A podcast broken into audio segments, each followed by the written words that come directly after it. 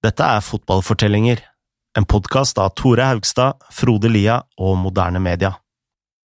I dag er Real Madrid Spanias mest suksessfulle klubb, med 33 ligatitler, men det var ikke alltid slik. Om vi går tilbake til 1953, har Real Madrid vunnet tittelen kun to ganger. Den siste triumfen har kommet for 20 år siden. Det er Barcelona som herjer i Spania. Men det året kjøper Real Madrid Alfredo Di Stefano. Argentineren er så god at han forandrer historien til både Real Madrid, La Liga og europeisk fotball som helhet. Signeringen skulle også være kontroversiell. Di Stefano, som spanjolene mener var bedre enn Pelé, skulle egentlig ha gått til Barcelona.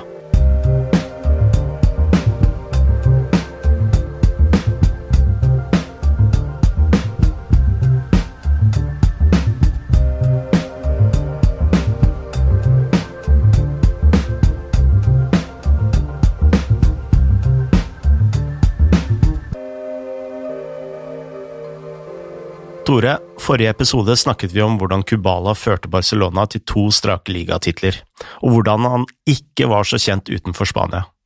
Men Di Stefano har de fleste hørt om.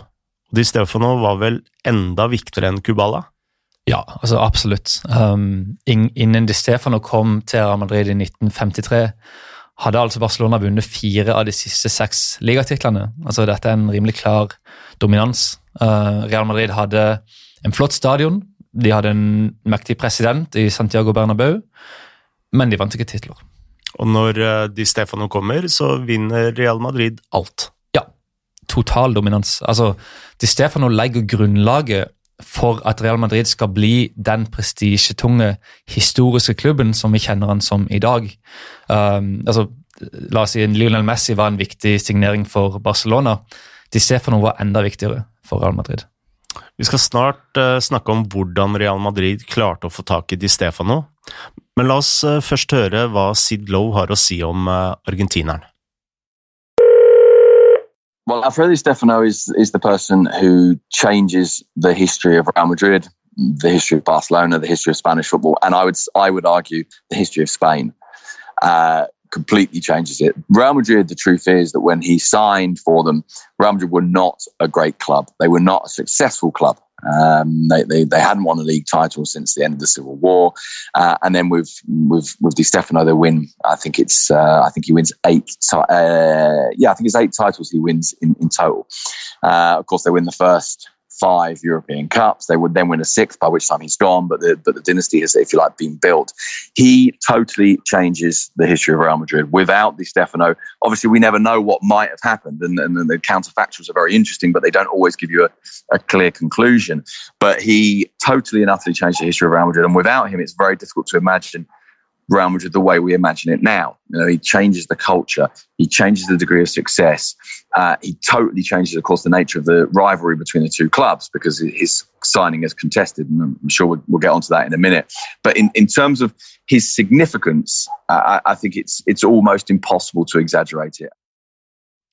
Vi snakker altså om en fotballspiller som endrer historien om El Clásico totalt. Ja, så som Sid sier, Real Madrid hadde vært en helt annen klubb uten Di Stefano. Og eh, det var jo like før at Di Stefano faktisk dro til Barcelona. Men la oss nøste opp i hva som faktisk skjedde. Hvordan endte Di Stefano opp i Real Madrid?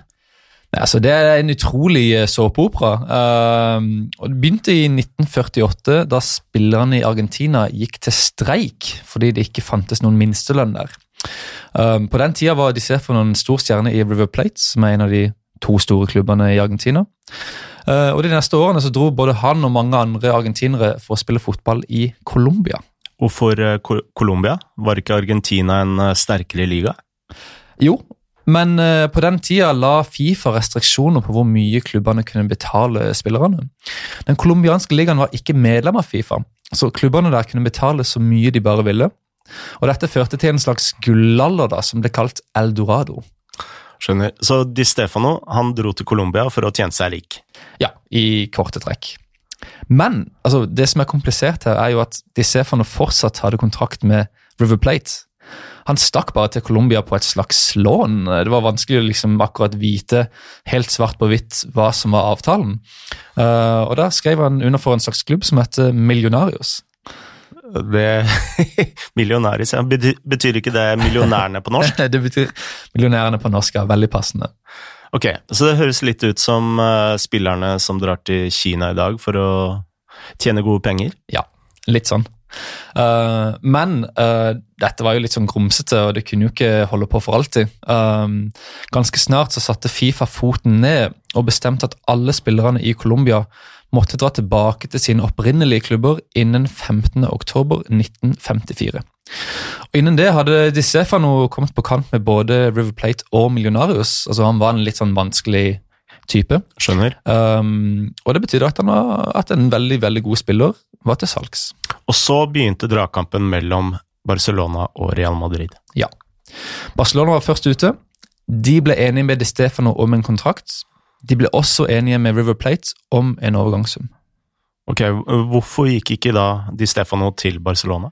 Nei, fordi eh, Di Stefano fortsatt hadde kontrakt med Millionarios. Altså, Teknisk sett vil han forbli de sin spiller helt frem til 15.10.1954, da han da ville gå over til River Plate igjen.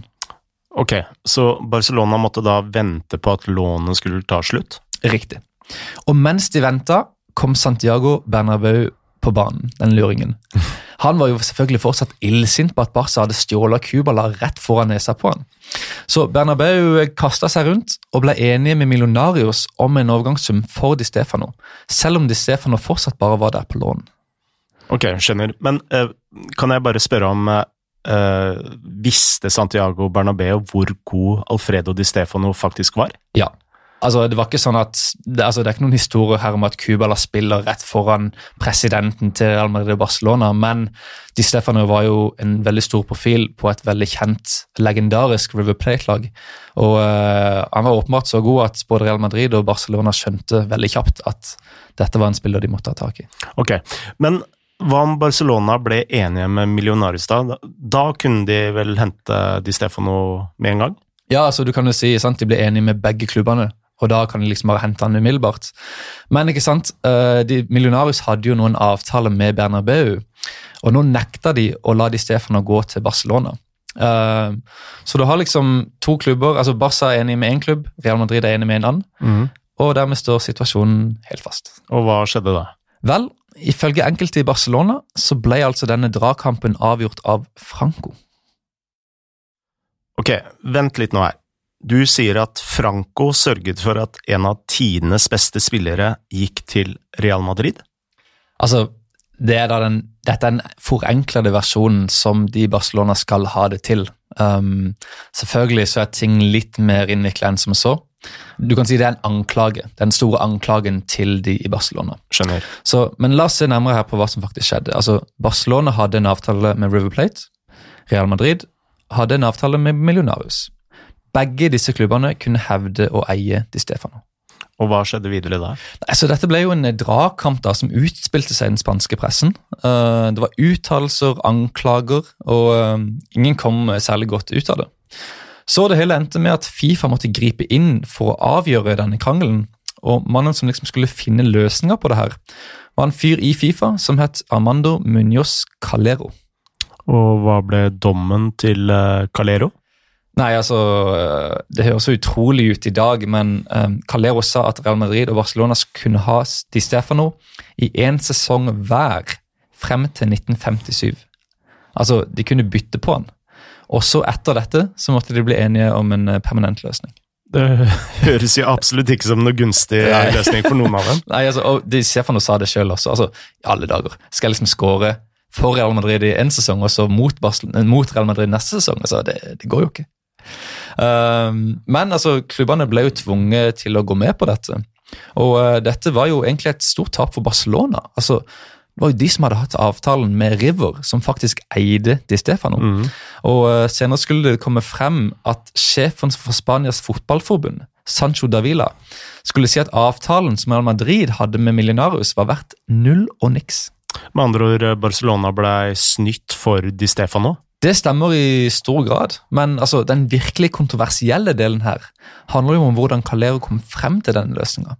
Og det vi vet da, er at Da Calero jobba med saken, så hadde han lange samtaler med sjefen for regjeringas sportsdepartement, José Moscardo. Samme regjeringen som uh, hvor Franco var uh, diktator? Riktig. Så du kan jo se sammenhengen her, spesielt om du heier på Barcelona. Altså, Du har en dragkamp mellom de to klubbene. Franco heier visstnok på Real Madrid. Og så går skikkelser fra Francos regime inn og påvirker avgjørelsen om Di Stefano. Men eh, Barcelona får vel eh, bruke Di Stefano av og til? Altså, Det var jo eh, avtalen, men like etter at klubbene gikk med på dette, her da, så bestemte Barcelonas president Enric Marti seg for å si opp. Og I kjølvannet av dette da, så bestemmer altså Barcelonas nye uh, styre for mm. å si fra seg rettighetene totalt. Yes. Hvorfor i alle dager gjorde dere det? Nei, altså Det virker jo som eh, galskap. og uh, Dette er jo da en avgjørelse som fortsatt uh, diskuteres nå. Tilhengere av Real Madrid sier at Barcelona gjorde dette frivillig. De i Barcelona mener at klubben gjorde det under press fra Francos regime. Men Har de spanske historikerne kommet til noe enighet om hva som faktisk skjedde? Nei. Altså, Dette debatteres ennå. Uh, Sid skriver jo at Calero konsulterte regimet uten at det nødvendigvis betyr at regimet aktivt favoriserte Real Madrid. Skjønner. Men det virker rimelig tydelig at det, altså, det hadde ikke endt som det gjorde om ikke regimet hadde vært involvert. Uh, så har du da avisene som skriver noe helt forskjellig. Uh, jeg husker jeg så en artikkel i 2014 fra Diario As, en av de to store sportsavisene basert i Madrid. Uh, og Der skrev redaktøren Alfredo Relanjo en sak på 10 000 ord om hvordan Franco liksom ikke hadde påvirka saken i det hele tatt. Og pressen i Catalonia tipper jeg er uh, ganske uenig i akkurat det. ja, ikke sant. Ikke overraskende. Uh, altså, kun to år seinere skrev uh, den katalanske avisen Mundo Deportivo at Real Madrid hadde rana til seg De Stefano ved hjelp fra Francos regime. Med Di Stefano i spissen er Real Madrid et helt annet lag. De neste fem årene vinner de ligaen fire ganger. Nå er det Barcelona som er i krise. Balansen har skiftet totalt. Ja, og Di Stefano var jo enormt viktig her. Uh, han var en spiss. Litt som Kubala var han en type som liksom dukka opp der han hadde lyst på banen. Og som også skårte uh, som han ville. Altså, De første seks årene i La Liga så ble Di Stefano toppskårer fem ganger. Oi. Men det var vel ikke bare teknikken som var uh, briljant? Di Stefano var vel også en slags lederskikkelse ute på banen? Ja, altså han var enormt krevende. Uh, liksom Veldig intens, en skikkelig en klassisk vinnerskalle. Og mm. av og til litt for krevende, uh, ifølge de som spilte med han. men han satte jo da et eksempel og en, en sånn profesjonalisme som resten da nesten bare var nødt til å følge. Og du kan jo lure, deg, lure på hvordan det må ha vært å spille med en sånn type. Han minner meg litt om Roy Keane. Uh, ja, av, uh... ja, ja, ja, Litt sånn en, en, en veldig begava Roy Keane. Altså ja. veldig altså, sant? Sikkert veldig vanskelig å ha med å gjøre, men du kan se hvor viktig han er for, for, laget. Ja, og Sid fikk et innblikk i dette da han intervjuet en av de som spilte for Real Madrid sammen med Di Stefano. I was talking to a former teammate of his and we've been talking for an hour and a half, something like that. And and when when it when it kind of came time to leave, I got up and I was I was walking out of the Bernabeu, and he he sort of stopped me, and he said, "You know, whatever anyone has ever told you about about Di Stefano, forget it." And I must admit, my first, wow, is he going to tell me that there's a different you know, that's not the story that everyone tells of Di Stefano as being wonderful, Di Stefano as being brilliant, Di Stefano being the greatest player ever. Is he actually about to say to me, he wasn't all that good? Or is he going to say to me, you know what, he was a horrible man? Because actually, the truth is that when you talk to teammates, they hint very heavily that he was extremely hard to live with, that he was, that he was angry and he could be aggressive and he could be dismissive and, and, and that his relentless will to win could be really hard to, to put up with. Um, and I thought, here we go. I'm, I'm, about to get told something off the record because, of course, we're walking out. So I've stopped the tape that, that might help me to understand a little bit more about, about Di Stefano.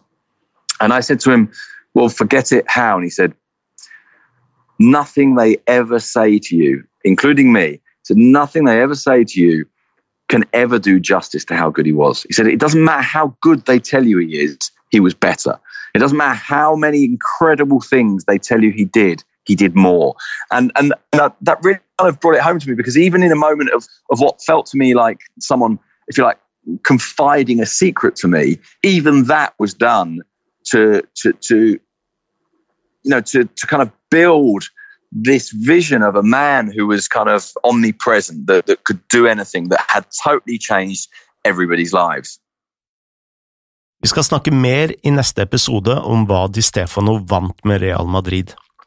Men la oss først ta en titt på Di Stefanos plass i historiebøkene individuelt sett. Altså Skal man tro tidligere Real Madrid-spillere, så var han tidenes beste spiller. Så hvorfor nevnes han ikke i debatten om Messi, Pelé og Maradona? Nei, så Det er jo alltid de samme navnene som går rundt hele tida. Uh, det er jo nesten Pelé Maradona, og så av og til har du litt Messi, kanskje litt Ronaldo. Og uh, Årsaken til at Di Stefano ikke nevnes oftere, er jo litt den samme årsaken som at Cubala ikke er mer kjent utenfor Spania. Altså, Ingen av de spilte i VM. I 1950 representerte Di Stefano Argentina, men de nekta å delta. Fire år senere klarte ikke Argentina å kvalifisere seg. I 1958 spilte Di Stefano for Spania, og de klarte også å snuble i kvaliken. Og i 1962 så var Di Stefano skada. Men han vant jo alt som kan vinnes eh, innenfor eh, klubbfotballen. Mm. Og Pelé han spilte vel ikke engang i Europa, og Maradona vant kun et par ligatitler og en eh, Uefa-cup. Ja, altså så Ser du på trofeer og det de gjorde utenfor VM, og spesielt i Europa, så er jo Di Stefano soleklart best. Og det er jo litt rart at han ikke liksom, nevnes oftere i denne debatten, så iallfall sånn internasjonalt. da. Så um, Vi spurte jo Sid om dette. Var Di Stefano faktisk bedre enn Pelé og Maradona? For, for, for those of us who are not Spanish, we, we will have invariably grown up thinking that the best player ever was Pelé or Maradona, and then maybe some combination of, of kind of our own sort of local heroes. So, you know, obviously in England we talk about Bobby Charlton, but in particular we talk about George Best as maybe being one of the four or five great players ever. The, you know, the Germans will talk about Beckenbauer. The Dutch, and not just the Dutch, of course, will talk about Johan Cruyff. People now talk about Messi and, and, and Ronaldo, or, or you maybe look at people like, um, I know, like Zidane and so on. But I think in Spain, at least, one thing is for sure the conversation always includes Di Stefano. And a lot of people who watch Spanish football and a lot of people of that era will say he was the best of them all. And, and I remember speaking to, to Canario about, about him and him saying, look, I played with Pele, I played with, with, with, with Di Stefano, and Di Stefano was better. And obviously, we'll never know that. And Di Stefano didn't have that thing that would have given him this international recognition, which was a World Cup. You know, he goes to one World Cup injured. He plays for three different national teams. It, it doesn't happen. It doesn't have the impact that Pele has with, with three World Cup successes out of four. Um, but but certainly in terms of his, his impact on the club game, I don't think there is a player ever anywhere in the world who's had as big an impact on club football as, as Di Stefano has.